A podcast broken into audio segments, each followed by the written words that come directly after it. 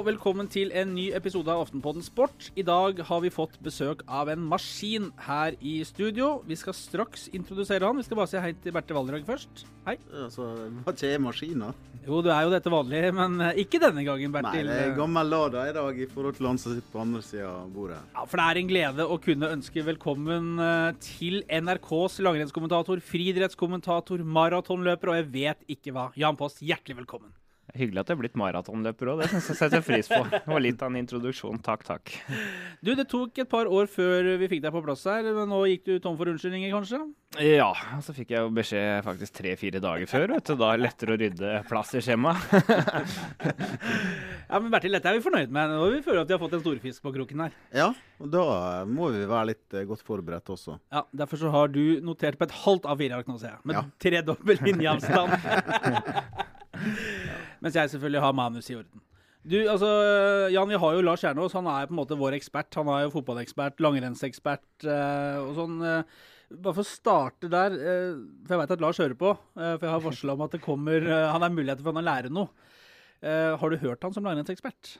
Jeg har lest eh, hans uh, ting på Twitter, og der kommenterer han like mye langrenn som fotball i perioder, og det tar jeg som et godt tegn. Han, eh, han er en av de trofaste som følger ganske nøye med på sendinga, virker det som. Altså, så han har nok fått bra peiling etter hvert. Vi vi skal bare ta det med en gang. Hvis folk syns at du er litt rar i røsten, er det fordi at du har vært hos tannlegen, eller er det noe annet? Uh, ja, jeg burde jo egentlig funnet formen nå. Det er jo straks langrennsåpning. Men jeg, jeg var en tur hos tannlegen i dag og, og fjerna en rotfylling. Jeg føler da litt lite i den ene halvdelen, høyre halvdel av kjeften. Så derfor litt eh, formproblemer sånn tidlig på formdagen. Men det kommer seg, det, vet du. Kan trøste deg med at det blir verre utover dagen. Det kommer det en annen smerte. Du skal opp til Beitostølen etter at vi er ferdige her, for det er eh, langrennsåpning der i helgen. Og du sitter med joggeskoa på seg, for sånn som du holder på løpendagen, så er det vel helt naturlig at du da jogger rolig opp eh. ja. Jeg skal slippe å løpe opp. Jeg tar bilen. Det tar vel sin tid i dag i, i snøværet. Men eh, det blir en del løping der oppe. Jeg vet jeg har tredemølle på hotellet. Ja. Det har jeg undersøkt gjennom noen år. Så jeg satser på at den går i år òg.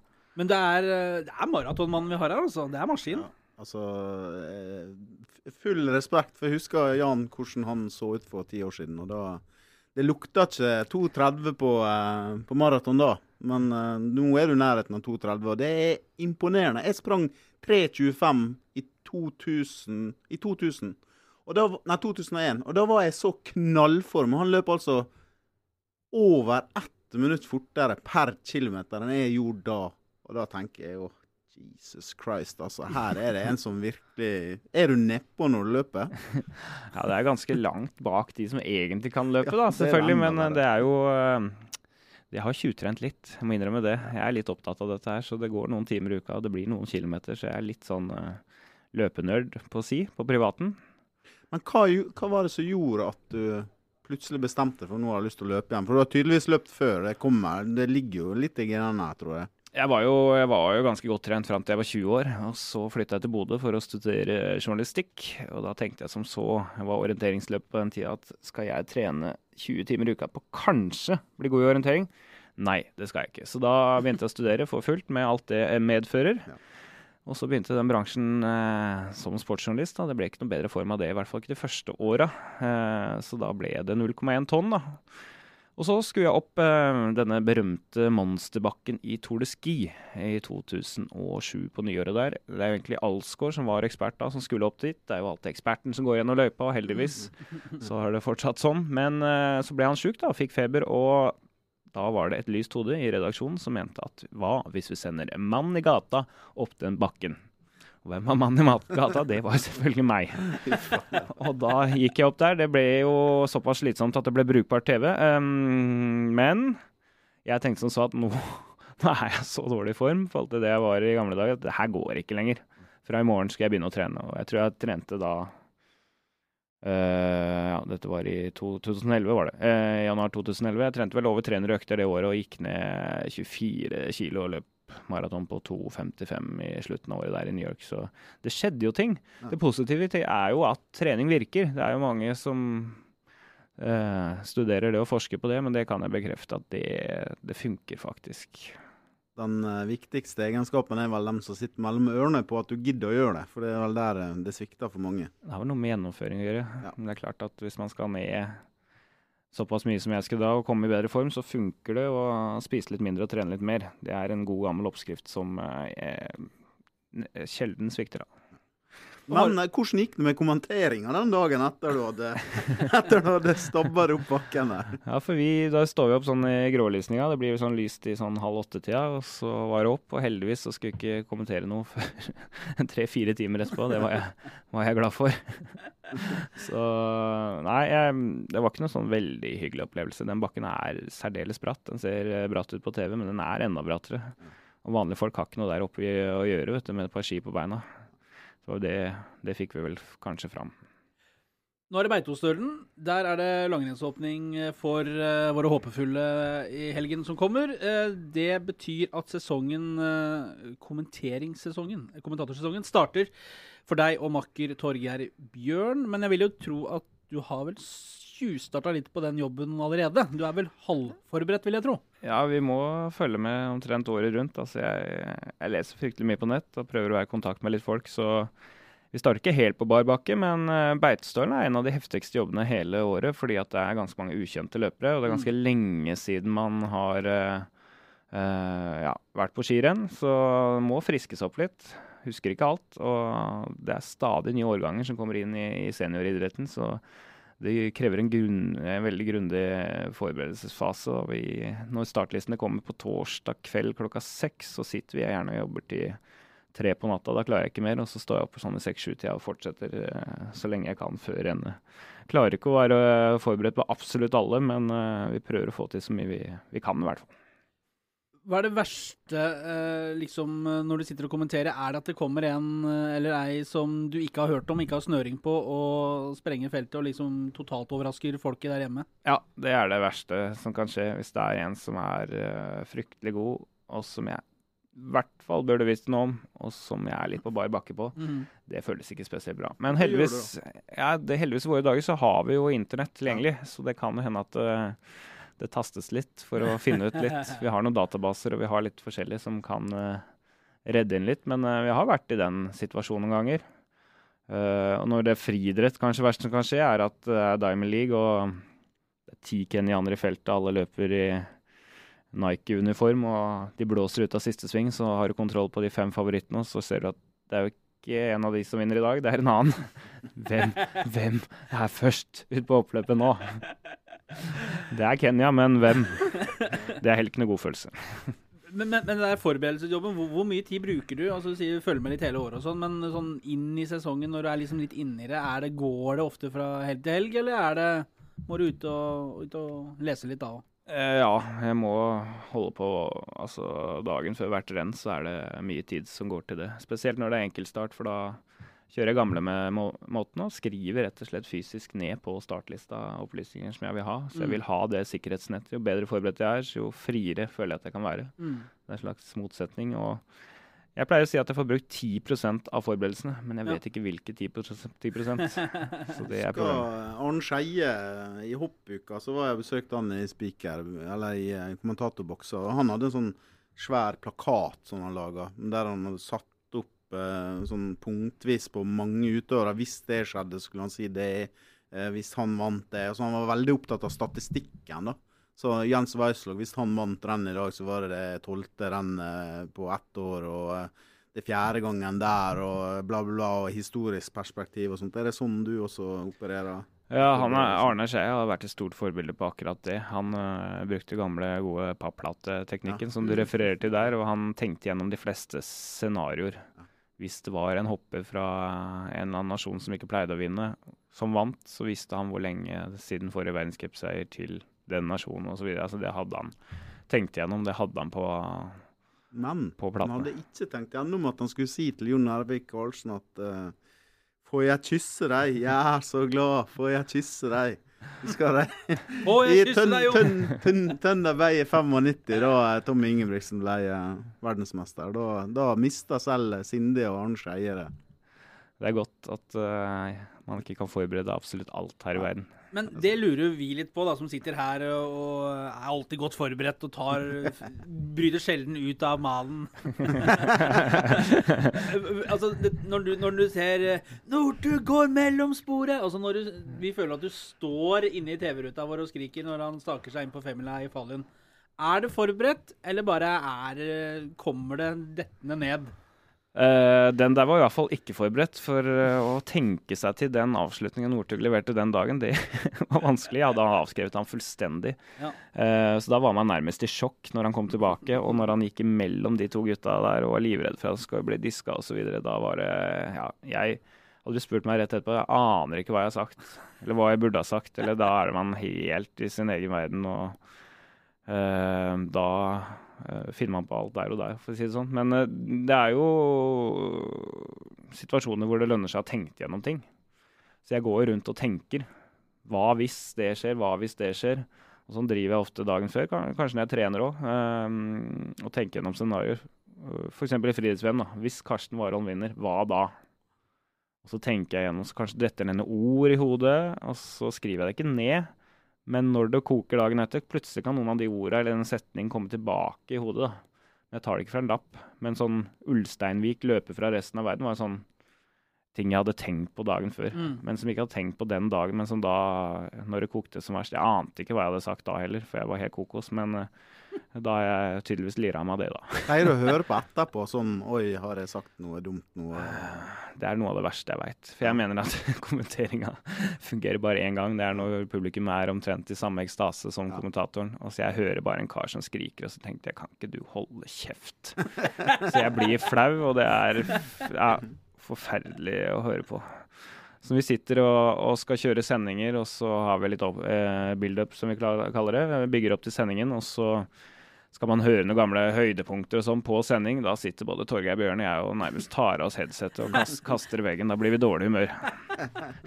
Men eh, det som, er, det som er bra, det er jo at dem som hører på, er, li, er minst like entusiastiske og i ekstase. så er jo hopp og sprett og sånn. Ja. Jeg tenker på siste etappen til Finn Hågen Krog i eh, Lahti. Det var ja. sånn klassisk uh, Jeg tror ikke det var så mange som lytta nøye på hva du sa uh, på de rundene der, altså. Nei, det var nervedrama som man aldri visste helt hvordan hadde noen av dem. Det var fantastisk. Og det, det jeg syns er moro, er når folk sender inn videoer, da, private videoer fra egen stue. Ja. Hvor jeg opplever at folk er fullstendig kokos, og de står i sofaen og de står nærmest på hendene og skriker og aner ikke hva de gjør. Og så er det en eller annen hyggelig familiemedlem som tar film. Det syns jeg er nydelig det er deilig at, uh, at, idretten kan engasjere folk. Idrett skal være følelser, hvis ikke er det ikke noe vits. Men jeg syns ofte det er ålreit å gå inn igjen etterpå og høre hva som faktisk ble sagt. For når det koker sånn verst, så står du stort sett og skriker sjøl òg. ja. At du roper 'kom igjen', og så har du en arm eller tre ute, og så står du og veiver og brøler, og så får roa deg litt, og det kommer litt seinere. 'Å ja, det var det. Ja, det var, bra. Det var ålreit meldt'. og YouTube er jo fint der, og NRKs arkiver, for der ligger det jo ute, så kan du jo se det. Det er greit å sjekke at det ikke er krise, i hvert fall. Ja, det. Ikke sagt noe dumt.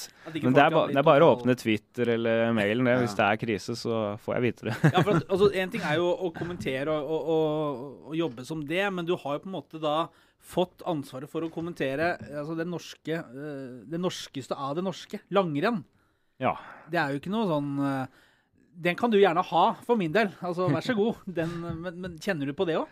Ja, det er jo nasjonalidretten. og Jeg husker hvordan eh, jeg fulgte sendingene som barn. Jeg var veldig opptatt av eh, all TV-idrett, men spesielt langrenn. Og det var liksom høytidsstund for meg når det er VM og OL i langrenn. Det er, det er stort for meg, og det er det fortsatt. Og at jeg da skal være med og gi folket en opplevelse i forbindelse med det, er jeg veldig ja, jeg er veldig ydmyk overfor den rollen. For det, det betyr mye for folk, og det er store opplevelser. Og da håper jeg at man helst skal forsterke den opplevelsen, ikke ødelegge den opplevelsen i hvert fall. Så eh, det, er jo, det, er jo, litt press. Jeg kjenner jo, kjenner jo, litt på det når det er store anledninger, men jeg begynner å bli vant til det. Så, så vi, vi, har vår stil. Vi, vi, er oss selv og gjør vårt beste, og, og mer får vi egentlig ikke gjort. Da. Altså, vi snakka om dette her litt før sending også, at um, du er jo uh, Ikke til årskommen, men det er jo oppi, oppi åra. Forsiktig nå. Eh, Det jeg skal fram til, er jo at eh, vi alle her har jo vokst opp eh, med Jon Herve Karlsen og Kjell Kristian Rike, som etter hvert ble som et møbel i stua til folk. Det var som du sa, altså, da så jo folk stort sett på én TV-kanal også. Ja. Eh, men det er noe med dette her å, å komme hjem til folk Alle har en mening om det du gjør. Må jo si at de, Jan her og, og Torgeir Bjørn, det er, det er klasse. Ja, jeg syns det er kjempebra. Det, Det sier, det sier vi ikke til alle gjestene som er her. Nei. Aller minst dem som er faste gjester, kanskje. Det er korrekt. Ja. Nei, men det som er litt uh, Skal jeg avsløre en hemmelighet her, da? Ja. I hvert fall for uh, kanskje lytterne. Det var at er Jan, som nå er NRK sin eh, store langrennskommentator, han kunne ha sittet i din stol, egentlig, han. Yes. Fordi i 2005 så var han eh, sto, Da hadde han vært i VG og var i samtaler med Da var jeg sportssjef i Aftenposten. Og eh, det var på nippet til at han skulle begynne hos oss, og så begynte han i NRK istedenfor. Så tenk hvis han hadde vært her, så hadde du vært overflødig, Kjetil, som uh, Altså, han, var vel, han var vel så smart som takka nei til det dårlige forslaget eller kontrakten. Kanskje. Kanskje. Ja, der ser du. Men du Det er angrer, ikke, ja, du angrer vel ikke på det, når var, du ser hvor du er i dag? Jeg var veldig i tvil den gangen, og jeg gikk til et vikariat i NRK og tenkte ikke på at jeg skulle bli kommentator i det hele tatt. Det dukka faktisk eh, opp uh, ja, ett og et halvt år etterpå, helt tilfeldig. Så da gikk jeg på en audition, fordi den jobben ble, ble ledig.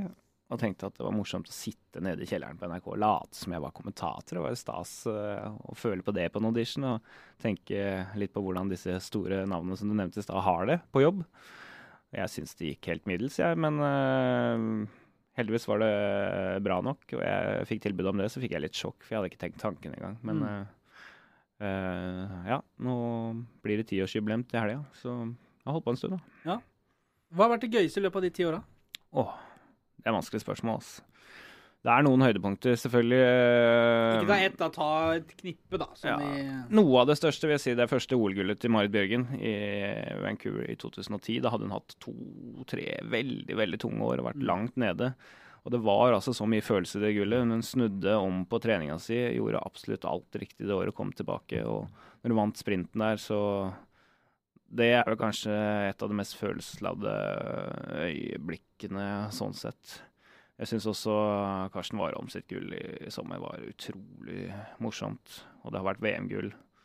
Det har vært noen Northug-stunder som vi var inne på i stad i Falun, som har vært unike. Men jeg vil si at Holmenkollen-VM også er Mm. som helhet. Man sitter oppe i boksen der eh, under VM og gjør jobben sin, er veldig fokusert på det og tenker ikke så mye egentlig hvilken situasjon man er i. Men jeg tenker tilbake, jeg gikk femmilsløypa to timer før det. Det var kaos ute i løypene, det var folk overalt. Og når jeg ser bildene i ettertid, så tenker jeg var jeg med på det her? Det er, det er gode minner, eh, men det er litt surrealistisk også. Men hender det at folk kommer bort til deg på butikken og så sier Du, ja, altså, i Davos forrige helg, da var du dårlig, og da tok du feil på han, og så Ja, det hender at eh, folk sier fra, men eh, de sier fra mer på sosiale medier og på mail, og hvor de slipper å møte meg personlig, legger jeg merke Ja. til. Men hva, hva, hva sier de, disse som eh, drar på litt, da? Er det Nei, altså det kan være jo ting man har gått glipp av, som man burde ha sett, f.eks. Og det kan være en god sjekk på det når man åpner Twitter, f.eks. Og har man gått glipp av et fall, så står det jo der. Eh, Men det er veldig mange fine innspill òg. Fornuftige ting. Og vi er jo absolutt ikke noe fasit, så det er mange gode, gode innspill og ting vi tar med oss videre. Eh, Men det, det største diskusjonen er jo alltid uttale av navn. Ja. Det er folk veldig, veldig opptatt av. Hva er det vanskeligste navnet, da? Nei, altså Det er jo Jo lenger bort det er fra Norge, jo verre er det ofte, da. Øst-Europa, russiske navn, asiatiske navn kan jo være krevende. Men det er alltid noen som hører på, som har forbindelse til det landet, som Ja. selvsagt vet bedre enn meg. Eh, og det har de garantert rett i òg. Wilek Shanin var vel litt sånn vanskelig når han liksom kom inn, på, kom inn i miljøet der. Ja, han Det var voldsomt eh, vanskelig å skrive, i hvert fall. Ja, det er vanskelig å skrive. Flere russere, så spørsmål hvor russisk man skal gjøre det. Det er en løper som heter Parfenov, hvis du staver det rett fram. Han snakker med den russiske kommentatoren som Ja. Parfjonov. Jeg var glad for grekeren ikke er bra i langrenn, for da hadde du fått litt uh, Ja, trøbbel der òg. mye konsonanter her, gitt. Ja, det er det. Litauen nå. Ja. Men han makkeren din, Torgeir Bjørn, blir du lei han, eller? Nei, han er en eh, kjernekar. vet du, Veldig eh, opptatt av langrenn, og langrenn er mye av livet hans. Så han kan snakke langrenn døgnet rundt, han. Så vi har mange treningsdiskusjoner, og vi har eh, mye diskusjoner rundt det som skal skje. Eh, reise tett på hverandre. Vi har ikke så mye å gjøre med hverandre på sommerstid. Da, da snakker vi mindre med hverandre. Så sånn sett kan vi få en pause. Vi lever jo veldig tett på hverandre. Men uh, det er en mann jeg har veldig få uoverensstemmelser med, så vi går bra sammen. Hvor mange reisedøgn blir det i løpet av et år på det? da? Skal kona mi høre på det? ja, det var det jeg tenkte Det er ikke så mange som hører, så det høres ikke. Rundt 110-120, vil jeg tro. Ja. Borti 40 helger som jeg er på jobb. da. Ja. Det er vel nok. Det holder. Det holder. Er du hjemme om i ukedagene, da, eller? Veldig ofte så er jeg hjemme Altså vi reiser ut torsdag og kommer hjem mandag, og så er man i Oslo-området én dag på jobb, øh, kanskje tirsdag, så man har fri onsdag, og så surrer dette og går, da. Og ungen kjenner meg fortsatt igjen, da. Det er bra. Ja, ja. Vi finner julegaver, da. Ja. Kjøper seg god samvittighet. NRK har eh, langrennsrettigheter hvor mange flere år til? Ja, godt spørsmål. Nå er iallfall uh, ett VM til. Jeg tror det er to denne sesongen og én til, ja. Så får vi se. Ja. Men ikke OL, da, så da Ikke OL, så da skal vi til? Pyeongchang og kommentere på radio.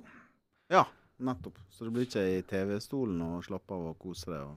Nei, det var forrige år i Sotsji, så satt jeg hjemme og, Ja. og så på. Men eh, denne gangen skal jeg kommentere radio, og det blir jo eh, veldig interessant. Det er mange som hører på radio også, og det er en litt annen form for kommentering, så det er en real utfordring, det. Altså, så jeg er litt nervøs, men uh, vi får prøve å tilpasse oss.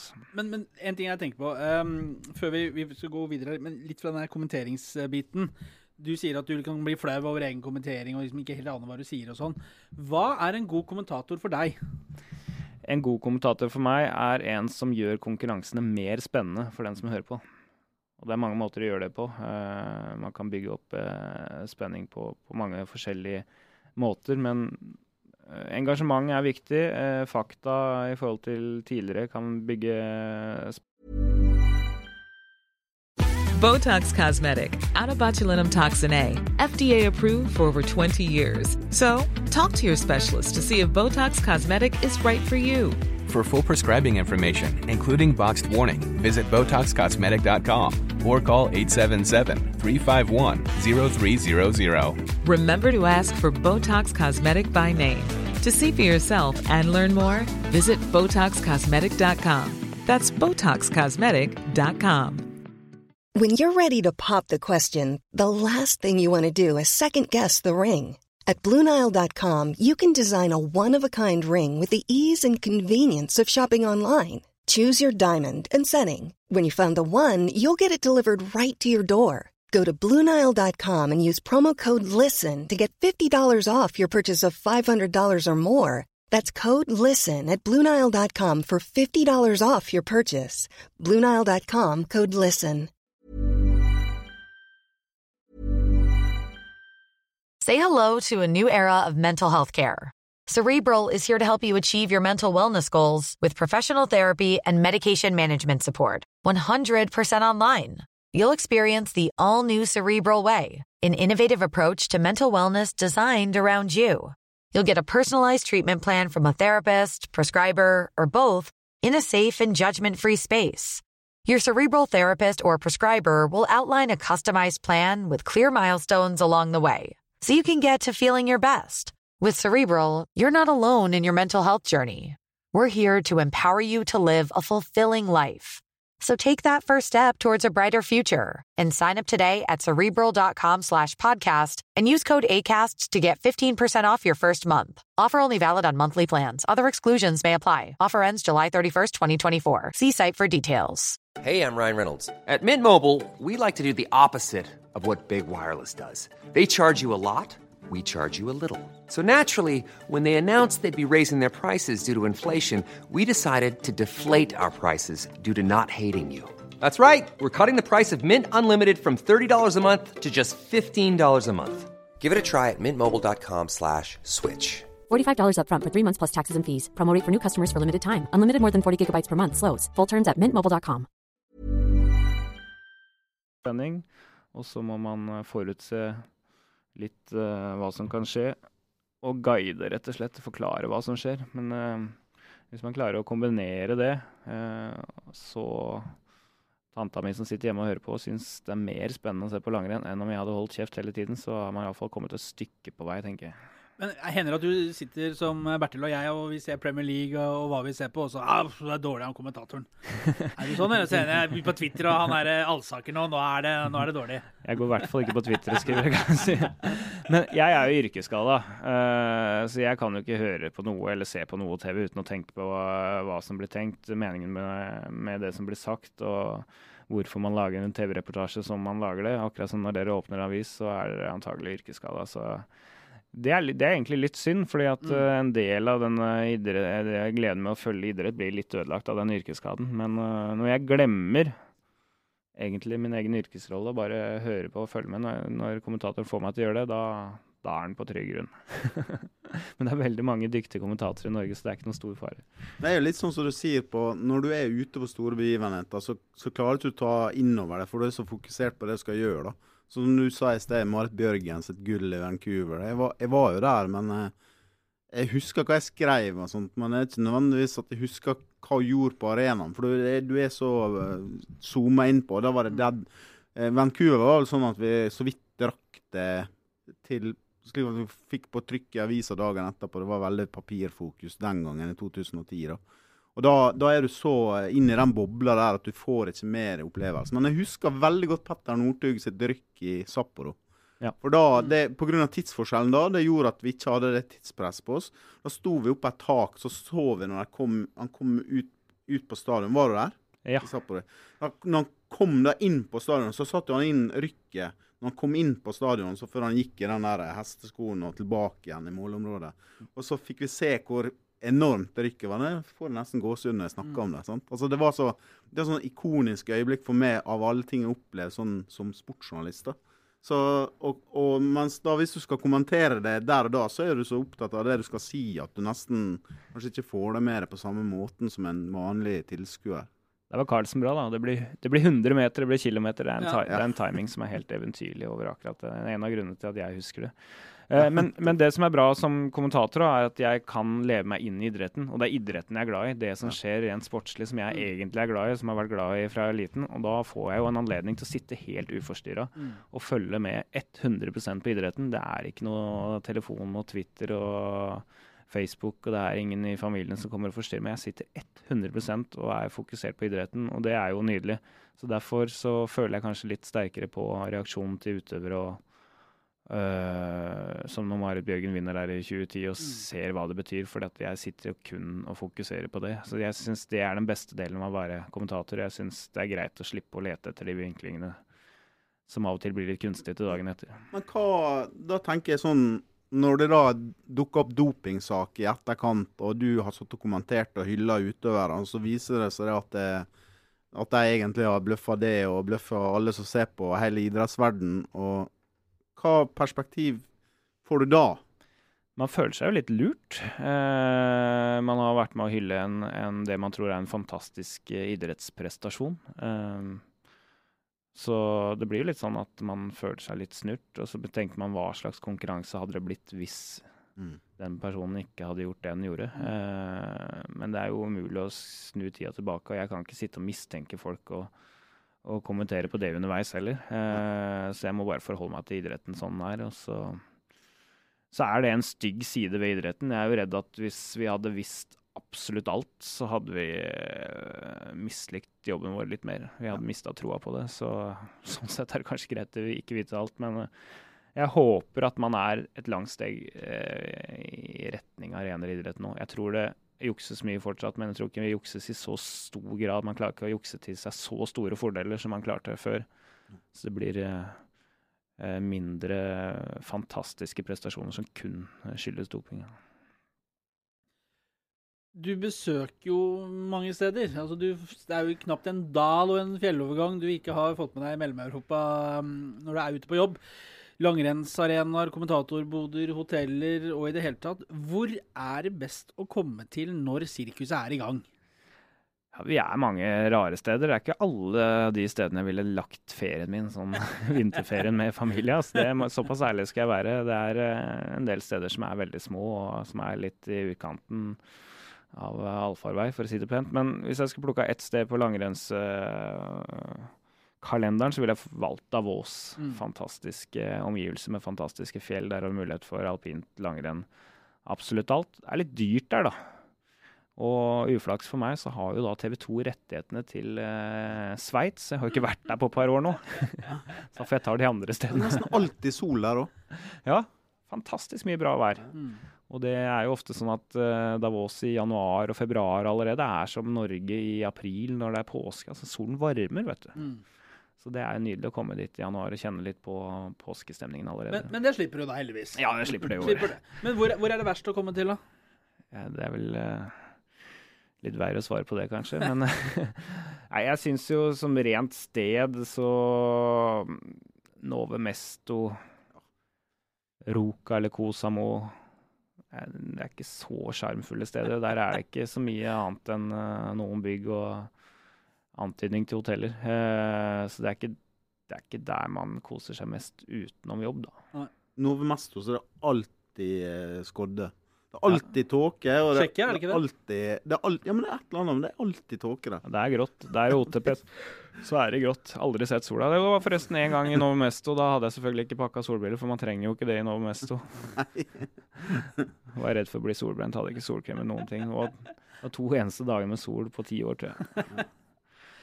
Men eh, folkens, altså dette er OL-sesongen vi går inn i nå. Ehm, det er litt press på de som skal i aksjon eh, på Beitostølen i eh, helga.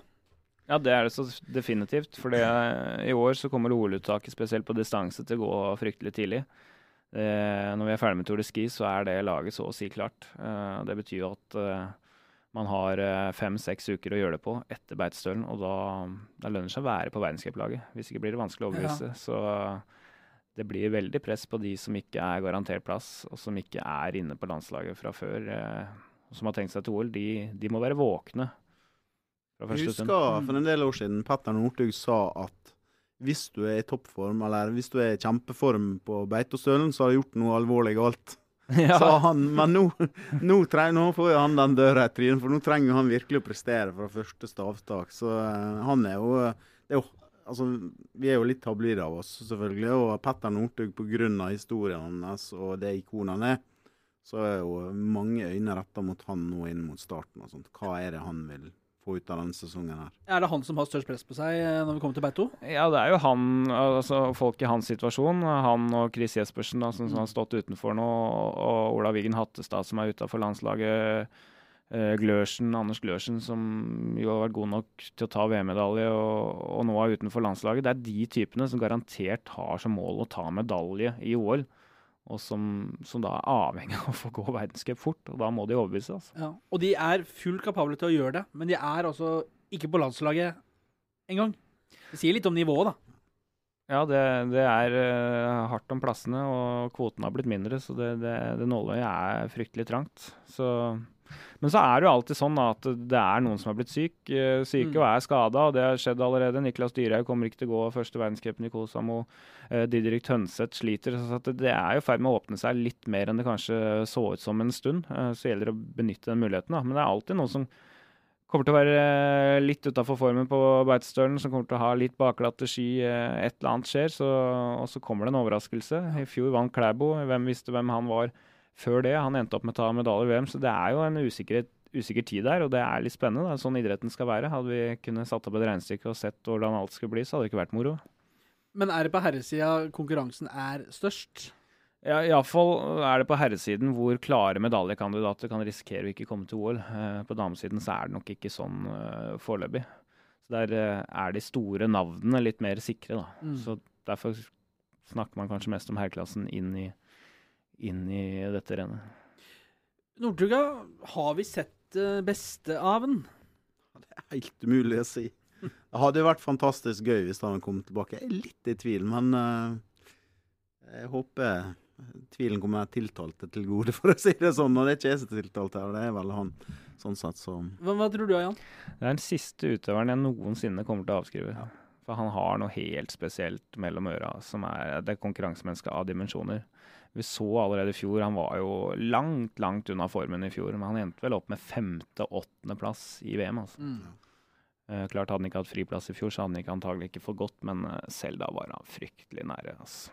Og, og tilbake til den femmila i Falun nå. Det er altså Opp den siste bakken der, så var jo, så, det var jo ingen som snakka om at han kunne vinne det. Altså bare hadde han en eller annen sånn ekstra, ekstra gir som gjorde at han nådde igjen alle på slutten der. Og det Jeg tror Petter Northug, det er den største dimensjonen han har, det er det mellom ørene. At det, han, han har et vinnerinstinkt som er jeg tror ikke vi har sett eh, maken i norsk idrett noen gang. Nei, Det er helt ekstremt. Og han skulle ikke vinne den sprinten i Fallon heller. Altså, han var ikke favoritt når startsignalet eh, gikk i finalen der. Eh, og så bare skjer det et eller annet i kroppen på han. Han presterer ting som, er, eh, som vi ikke tror, da.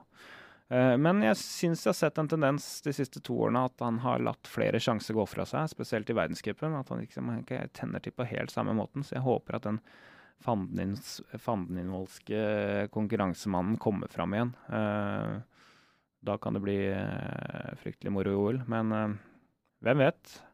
Han kjenner iallfall presset nå, det er helt overbevist om. Hva kommenterte Post da Northug vant sprinten i Falun? Det vet jeg ikke, for da var jeg der. Så da sto jeg på stadion og fulgte med og hadde mer enn nok med meg sjøl. Men Han vinner på direkten, var det ikke det du sa? Noe sånt? Det tror jeg ikke han. Han slår tilbake på direkten, ja. et eller annet sånt. Jeg tror du mener du husker det. I løvens hule. Ja, det var noe jeg så det. det var jo, eh, det var jo første mesterskap etter fyllekjøringa, så det mm. var jo ganske sånn Det var jo litt spesielt. Apropos å ha press på seg. Ja, og det å slå tilbake igjen etter at du er blitt uh, ja, hunsa med, og folk han tok jo sin straff. og kom tilbake på imponerende vis. Så vi får se om han får til igjen. Hvis ikke han kommer til OL, så tror jeg det er siste vi får se av Petter Northug. Ja, det tror jeg. Tror da, da har han på en måte mislykkes stang ut, selv om han i fjor i, i Lahti fikk jo være med, men det var jo bare på sånn fordi han hadde vunnet tidligere. Og gjorde det ganske bra. Nei, men han gjorde det ganske bra. Kom jo til finalen på sprint. Det var ikke mange som trodde på forhånd at han var i stand til. så... Men eh, det spørs jo hvor lenge han klarer Han som den vinneren klarer å motivere seg for å, for å prøve å kvalifisere seg til den. Han er jo en vinner som skal vinne rennet. Så det er sånn Det blir tøft, det. Mm. Uh, med Therese Johaug ute, så er det vel langrennsdronningen uh, kanskje først og fremst vi skal sette vår lit til, eller er det tid for uh, maktovertagelse Heidi Weng her nå? Jeg tror at vi skal snakke litt om Marit Bjørgen i vinter også. Alt tyder på det. Altså, jeg tror hun har gjort jobben, og hun er veldig sikker i hva hun trenger å gjøre. og er blitt veldig moden på sine eldre dager. Er rolig og, og leverer veldig jevnt, så jeg tror at hun kommer å være oppi der. Men jeg tror at det blir verre for henne å prestere på, på topp absolutt hele tiden. Jeg har sett litt tendensen med andre som, som nærmer seg 40. Jeg er født samme året, så jeg skal kanskje ikke si det. Men du eh, ser på Ole Einar Bjørndalen nå, kan ikke være på topp hver, hver, helg. Så du kan se litt mer den tendensen. Og så kommer hun til å stå over Tour de Ski, og det, da er jo katten borte. Det er vel noen mus danser på det bordet. Så mm. Um, jeg tror Heidi Weng eh, Så jeg er spent på Ingvild Flugstad Østberg, som gikk veldig bra inn i forrige sesong. Som gikk litt dårlig ut av det og fikk et dårlig VM. Hun tror jeg er revansjesugen. Eh, og så blir det verre og verre for Marit å gjøre noe på sprint. Mm. Så Hva med utenlandske løpere, da? Ja, det jeg så av Charlotte Kalla i sommer, var uh, særdeles lovende. Hun gikk rett fra Marit Bjørgen og, og co. opp uh, Lysbotn og, og, så bedre trent ut og virket å være veldig på hugget. Så jeg er spent på om, om, hun kan gå på det nivået i vinter, for da blir det ikke lett. Da kan vi få se en, en, en Charlotte Kalla som i Falun, da hun vant uh, ti fri. Uh, nå er det ti fri i OL igjen. Og ikke minst det rennet før VM i Falun i Østersund, hvor hun feier uh, banen altså med, med, Bjørgen og Johaug. Noe av det råeste jeg har sett. hvis vi får den kalla, så, så tror jeg at hun kan bli veldig, veldig god. Um, jeg tror det blir tyngre for Kowalczyk å komme tilbake. Det virker sånn også ut fra de rennene hun gikk i Finland forrige helg. Mm. Stina Nilsson, da? Stina Nilsson kommer til å være blant verdens beste i sprint. Det er hun og Charlotte Nei, hun og Maiken Caspersen Falla som er, er, best der, og de kommer til å kjempe om den uh, tronen. Begge de kan finne på å gå gode enkeltrenn på distanse. Uh, Nilsson er den som har gjort det best. Men hun er en type. Hun er en, en vinnertype som er hard i hodet, og som ikke slipper en duell. Så Sverige kommer nok til å få mye glede av henne. Hun kan snappe to OL-gull til vinteren, både sprint og sprintstafett for, for Sverige, hvis eh, hun blir uh, satt i posisjon. Men det er jo én mann. altså Får vi det individuelle OL-gullet til Martin Jonsrud Sundby? Ja, nå har han jo uh, nærmet seg de siste ukene, holdt jeg på å si. Det er noen russere som er fjerna fra lista, men uh, jeg tror Martin har så lyst på det gullet, og det er litt karrieredefinerende om han tar det individuelle gullet eller ikke. Han vil jo bli husket på han som verdens beste langrennsløper som aldri vant til gull, hvis han ikke tar det. Uh, jeg tror han har satt kortene sine riktig i det løypenettet vi møter i Sør-Korea, så tror jeg det er riktig å satse hardest på intervallstarten. Det er der han har sin beste sjanse. Men det, det er klart at det er én dag. Litt dårlig ski den dagen, eller en konkurrent som får eventyrlige ski, sånn som Niskan fikk i, i Lahti, mm. så, så, ryker det gullet. Altså. Mm. Det er ikke så mye som skal til. Er lettere for så vidt å prikke det i løping altså, når du har alle har piggsko på seg og de samme mm. forholdene. Så mm. det er ikke bare å gå ned og hente det gullet, men um, Tro, men uh, apropos det. Hvis uh, 1500-meteren i uh, friidretts-VM hadde blitt løpt rett fram istedenfor på bane, tror du Ingebrigtsen hadde vunnet da? Om det hadde gått rett fram, da hadde vi iallfall uh, hatt plass til å bevege seg. Så var det lettere å ligge bak eller ligge på siden av de beste og følge de beste. Det som er litt eh, vanskelig med løping når det er rett fram, er det vanskelig å vite hvor langt det er til mål. Jeg har snakket ja. selv med uh, ja. Philip bl.a. om å løpe sånn gatemile. Mm. Vanskelig å, å helt uh, tilpasse spurten. Jeg tror at han hadde god sjanse på å bli nummer to. Tror... Han så veldig pigg ut på, altså, han, når han henta det igjen etter at han tapt.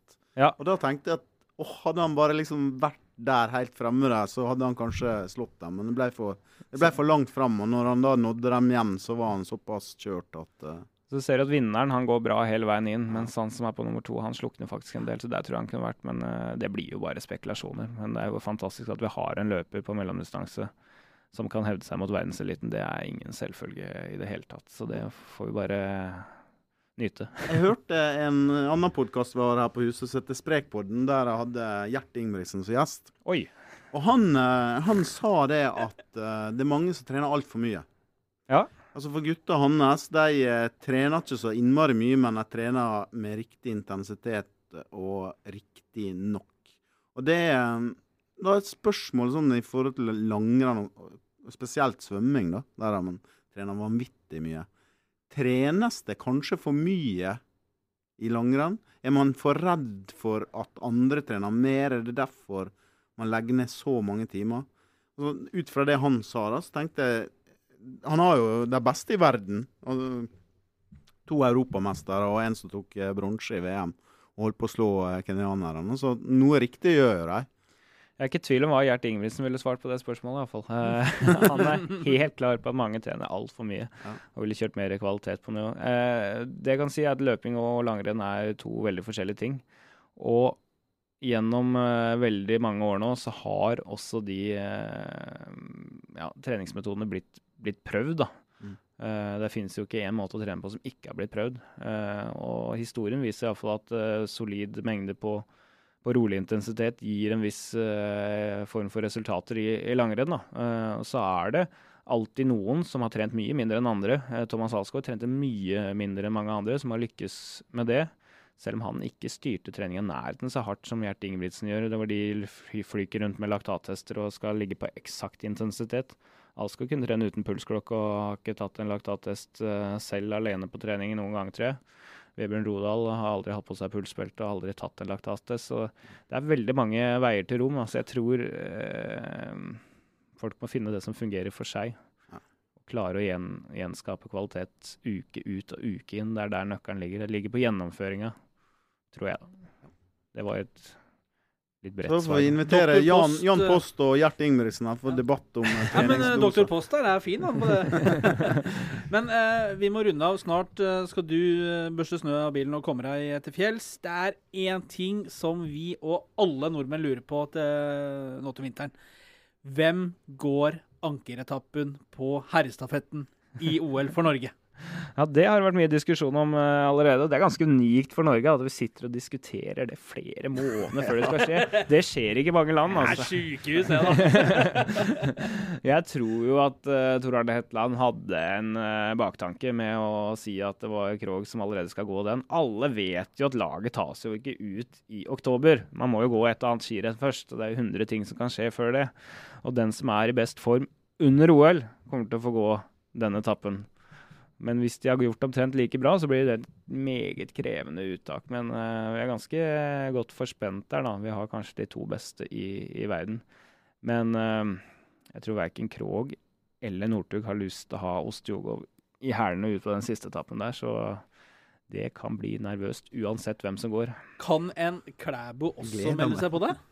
Ja, det er klart han kan det. Tenk de stegene han tok i fjor. da. Han, du må ikke glemme at han gikk faktisk på 15 klassisk-laget og var topp fire da, de norske. Og fikk plass på det laget i fjor og var på pallen i minitorer. Så hvis han har løfta seg ytterligere kapasitetsmessig, så er jo også han en mann som passer utmerket til å gå 10 km i litt lette løyper eh, i skøyting. Eh, og spurte kan. Åh, jeg gleder meg. Jeg gleder meg gleder- jeg gleder meg. beitostølene. Altså, da Få på skjermen. Ja. og så bare, når er vi på, Jan? Er vi, er, starter vi på fredag? Fredag, ja. Når da? Det, ja, det er et godt spørsmål. Så langt har ikke jeg kommet, men det er på formiddagen.